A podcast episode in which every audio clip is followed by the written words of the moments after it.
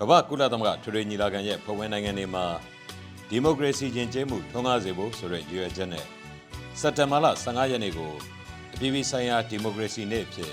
2009ခုနှစ်မှာသတ်မှတ်ဆုံးဖြတ်လိုက်ပါတယ် Today marks the 15th anniversary of the International Day of Democracy. ။အဲဒီနောက်မှာတော့နှစ်စဉ်စက်တင်ဘာလ15ရက်နေ့ရောက်တိုင်းမှာအဖွဲ့ဝင်နိုင်ငံများစွာနဲ့ဒီမိုကရေစီစနစ်ကိုခံယူကျင့်သုံးလျက်ရှိတဲ့နိုင်ငံတွေဟာ ဒီမိုကရေစီစနစ်နဲ့အလေးအထားတွေကိုပေါ်ညွှန်းဂုဏ်ပြုရင်းအခမ်းအနားတွေကိုကျင်းပခဲ့ကြပါတယ်ဒီလူတွေဒီလူတွေပဲအုပ်စိုးနေဆိုတော့ဒီမိုကရေစီမဟုတ်တော့ဒီမိုကရေစီစနစ်ကိုလက်ခံရစီရှင်အစိုးရအပြောင်းအလဲတွေပဲလက်ခံတယ်အဲဒီအပြောင်းအလဲတွေမှာမြင်သာရမယ်ငြင်းချမ်းရမယ်သိက္ခာရှိရမယ်ပြည်သူကိုမထိရဘူးနိုင်ငံကိုမထိရဘူး။နိုင်ငံတကာပါလီမန်များအဖွဲ့ IPU ကပြည်ပြည်ဆိုင်ရာဒီမိုကရေစီကြီးညာစာတမ်းကိုထုတ်ပြန်ခဲ့တာ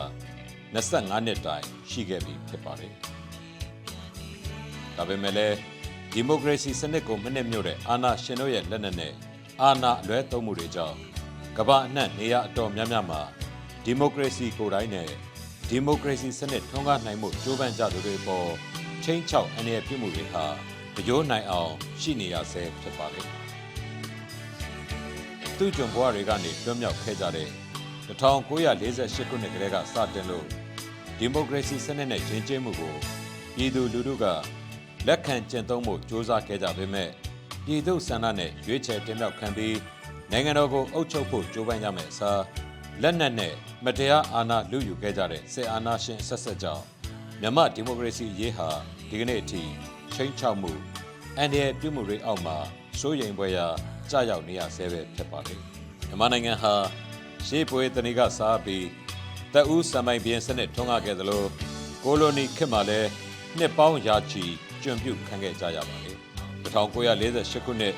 လွတ်လပ်ရေးရပြီးနောက်မှာတော့လွတ်လပ်ရေးဖခင်ကြီးဗိုလ်ချုပ်အောင်ဆန်းရဲ့အိမ်မက်တစ်ခုဖြစ်တဲ့ Federal Democracy နိုင်ငံခီးကိုရှောက်လန်းကြဖို့ခြေလှမ်းပြင်ဆင်ခဲ့ကြပေမဲ့လည်းအဲ့ဒီအိမ်မက်တွေအားလုံးဟာ1962ခုနှစ်အကြမ်းဖက်စစ်ကောင်းဆောင်နေဝင်းရဲ့ စစ်အာဏာသိမ်းခံလိုက်ရတဲ့အချိန်ကစပြီးဆိုရှယ်လစ်တပါတီအာဏာရှင်စနစ်ကိုသွတ်သွင်းခံခဲ့ကြရင်နှစ်ပေါင်း26နှစ်ကြာခဲ့ကြပါတယ်အဲ့တော့နောင်ကိုဆူဆူပူပူလုပ်မယ်ဆိုရင်တော့ရင်တက်ကိုသုံးလို့ရှိရင်တော့အဲ့ဒါဆူတဲ့လူတွေမတက်တာဘူးသာမှတ်ပြီးတော့လို့အာဏာယူစစ်အာဏာရှင်တွေရဲ့လက်နက်အားကိုအနိုင်ကျင့်ကြီးစိုးမှုတွေကြောင့်တရားဥပဒေစိုးမိုးမှုပြတ်သုံးပြီး ပြင်းထန်တဲ့လူခွင့်ရေးချိုးဖောက်ခံရမှုတွေဥပဒေမဲ့ဖမ်းဆီးတပ်ဖြတ်ညှဉ်းပန်းခံရမှုတွေအောက်မှာမြန်မာပြည်သူတွေဟာဒီမိုကရေစီရဲ့အနှစ်သာရစံတန်ဖိုးတွေကိုခံစား권မရခဲ့ရရှာပဲတိုင်းပြည်ရဲ့ဖွံ့ဖြိုးတိုးတက်မှုဟာလည်းနှိမ်ပါကျဆင်းလာခဲ့ပါလေမြမသမိုင်းရဲ့သွေးစွန်းတဲ့အတိတ်ကိုပြန်ကြည့်မယ်ဆိုရင် အာနာရှင်တွေခေတ်ဆက်ဆက်လူပါဝါခဲ့ကြသလို ယဟန်ရှင်လူចောင်းသားပြည်သူတစ်ရက်လုံးကလည်းဘယ်တော့ခါကမှကောင်းကောင်းမခံပဲနီးလန့်မျိုးမျိုးနဲ့တော်လန့်ရုန်းကန်ခဲ့ကြတယ်ဆိုတာကိုစင်ဆက်မပြတ်သောလူလူလှုပ်ရှားမှုတွေကသက်သေခံနေပါတယ်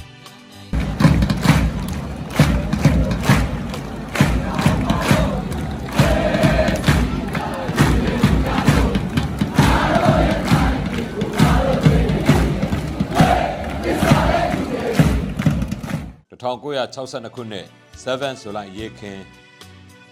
မြန်မာဒီမိုကရေစီရေးလှုပ်ရှားမှုခီးမှာမိမိတို့ပြည်သူတွေဟာ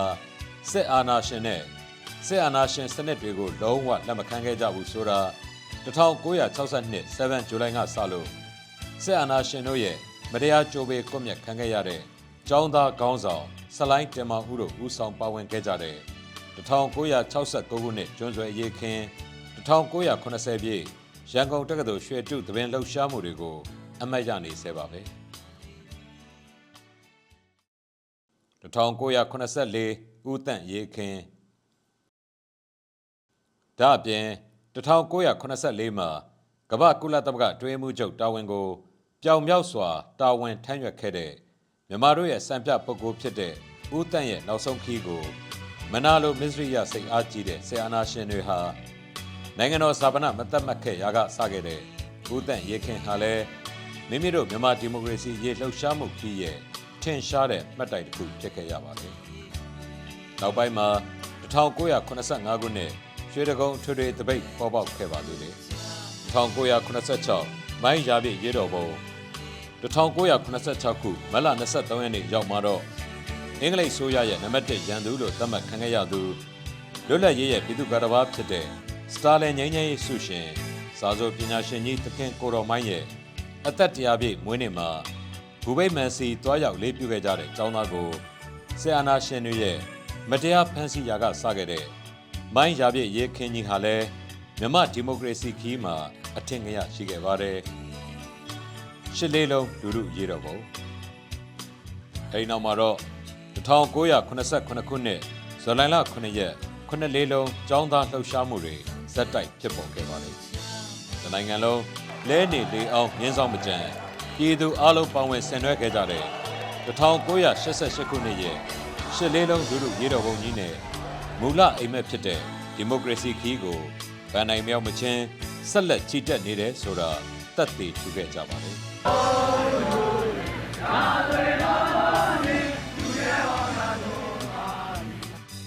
2009ခုနှစ်ရွှေဝါရောင်တော်လန်ရေး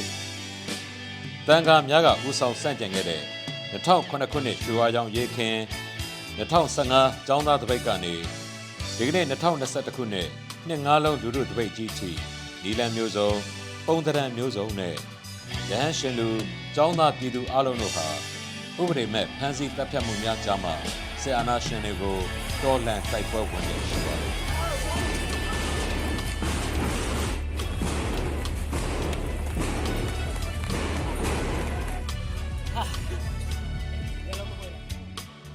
2011ခုနှစ်မှာတော့ဆီအာနာရှင်တန်းရွှေဟာပြည်ပရဲ့ဖိအားတွေရောကြပြီးလူသက်သွေးစွန်းလက်နဲ့မြန်မာနိုင်ငံကိုဒီမိုကရေစီစနစ်အကောင့်ထဲပေါ်ပေးခဲ့တဲ့ကျေးဇူးရှင်ဖြစ်နာမည်ကောင်းရရှိနိုင်ရေးစစ်တပ်ရဲ့ပါဝင်မှုကိုစနစ်တကျထည့်သွင်းထားတဲ့ပြည်ထမ်းချက်တွေပါဝင်တဲ့2008ခုနှစ်ဖွဲ့စည်းပုံအခြေခံဥပဒေနဲ့ရွေးကောက်ပွဲကျင်းပကအမေရိကန်ရသအစိုးရဖြစ်နေတိုင်းပြည်ကိုအစိုးဝတ်စစ်တပိုင်းအုပ်ချုပ်ရေးနဲ့အုပ်ချုပ်နိုင်ဖို့ ကြိုးပမ်းခဲ့ပြန်ပါတယ်။ဒါပေမဲ့လည်း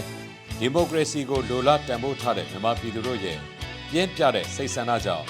စစ်တပ်က25ရာခိုင်နှုန်းအသာစီးရယူထားတဲ့ဖွဲ့စည်းပုံအခြေခံဥပဒေအတွင်းကကိုပဲအယက်သားအစိုးရတရက်ကိုရွေးချယ်တင်မြှောက်နိုင်ခဲ့ကြပါတယ်။မြန်မာဒီမိုကရေစီခေါင်းဆောင်ဒေါ်အောင်ဆန်းစုကြည်ရဲ့ဦးဆောင်မှုနဲ့အတူတိုင်းရင်းသားပြည်သူတရက်လုံးရဲ့ဝိုင်းဝန်းကြိုးပမ်းမှုတွေကြောင့် တိုင်းပြည်ဟာတဟုန်ထိုးဖွံ့ဖြိုးတိုးတက်လာခဲ့ပါတယ်။2008ခုနှစ်ဖွဲ့စည်းပုံရဲ့ကန့်သက်မှုများစွာတဲ့ကနေပဲတရားဥပဒေစိုးမိုးရေးလူ့အခွင့်အရေးနဲ့ဖွံ့ဖြိုးမှုတွေကိုအတိုင်းအတာတစ်ခုထိကြိုးပမ်းတည်ဆောက်နိုင်ခဲ့ကြပါတယ်။2021ခုနှစ်ရွေဦးဒေါ်လန်ရေးပြည်သူလူထုကအသိအမြင်ကျယ်ပြန့်လာမှုနဲ့ပွင့်လင်းလာတဲ့တွေ့မြင်နေကြောင်းစစ်အာဏာရှင်တွေရဲ့အကျိုးစီးပွားကိုကတ်သက်လာနိုင်တဲ့အပြင်၎ င်းတို့အလိုကျတိုင်းပြည်ကိုစိုးမိုးချဲလှယ်ဖို့ခွင့်ရနေပါလာတာကြောင့်ပြည်သူလူထုကကမ္ဘာကပ်ရောဂါအနေအကြားကနေအသက်ဆွန့်ထောက်ခံဆန္ဒမဲပေးခဲ့တဲ့2020ပြည့်ရွေးကောက်ပွဲရလဒ်ကိုပြောင်ပြောင်တင်းတင်းညှင်းဆိုက2021ခုနှစ်ဖေဖော်ဝါရီလ1ရက်နေ့မှာတော့စစ်မိတ်စာမင်းအောင်လှိုင်ဦးဆောင်တဲ့အကြမ်းဖက်စစ်တပ်ရဲ့မတရားအာဏာလုသိမ်းပိုက်ခြင်းကိုတပံကြုံတွေ့ခဲ့ရပြန်ပါတယ်။မြန်မာပြည်သူတို့ရဲ့ အသက်သွေးချွေးတွေနဲ့ပေးဆက်တိဆောက်ခဲ့ရတဲ့ဒီမိုကရေစီအသီးပွင့်တွေဟာလည်းရုတ်ချိဖျက်ဆီးခံခဲ့ရကအကြမ်းဖက်စစ်ကောင်းဆောင်တွေဟာတိုင်းပြည်ကိုကြာဆုံးနိုင်ငံအဖြစ်ရောက်ရှိအောင်ရွေချက်ရှိရှိလှုပ်ဆောင်နေလျက်ရှိပါတယ်။လွတ်လပ်ရေးရကားစား1948ခုနှစ်ကနေစခဲ့တဲ့မြန်မာဒီမိုကရေစီရေးလှုပ်ရှားမှုခီးဟာဒီ2021ຫນွေဦးဒေါ်လန်ရေးမှာတော့ခီးဆုံးပန်းနိုင်စီအရောက်ချီတက်ပြီး စစ်အာဏာရှင်တွေကိုအဆုံးသတ်တိုက်ဖြတ်ခါအနာဂတ်နိုင်ငံတော်အသက်တိဆောက်သွားရမှာတိုင်းရင်းသားပြည်သူအလုံးရဲ့တူညီတဲ့ရည်မှန်းချက်ဖြစ်လာခဲ့ပါပြီ။ခေတ်အဆက်ဆက်ဖြတ်သန်းလာခဲ့ကြတဲ့မြန်မာဒီမိုကရေစီရေးလှုပ်ရှားမှုခီးလန်းတစ်လျှောက်ပါဝင်ပေးဆက်ခဲ့ကြတဲ့ဒီမိုကရေစီသူရဲကောင်းအပေါင်းတို့ရဲ့ကျေးဇူးတရားတွေကိုဂုဏ်ပြုအောက်မေ့သတိရရင်မြန်မာဒီမိုကရေစီရေးလှုပ်ရှားမှုခီးဟာဒီနွေဥမှာတော့ပြည်သူအောင်ပွဲအဖြစ်နဲ့ အပိသက်သမိုင်းမော်ကွန်းသက်ရေးထိုးနိုင်ရေးအတူတကွဆက်လက်ကြိုးပမ်းသွားကြပါစို့လို့တိုက်တွန်းလိုက်ရပါတယ်ခင်ဗျာဆရာနာရှင်စနစ်တောင်းဆုံးပါစေဒီမိုကရေစီတည်တံ့ခိုင်မြဲပါစေ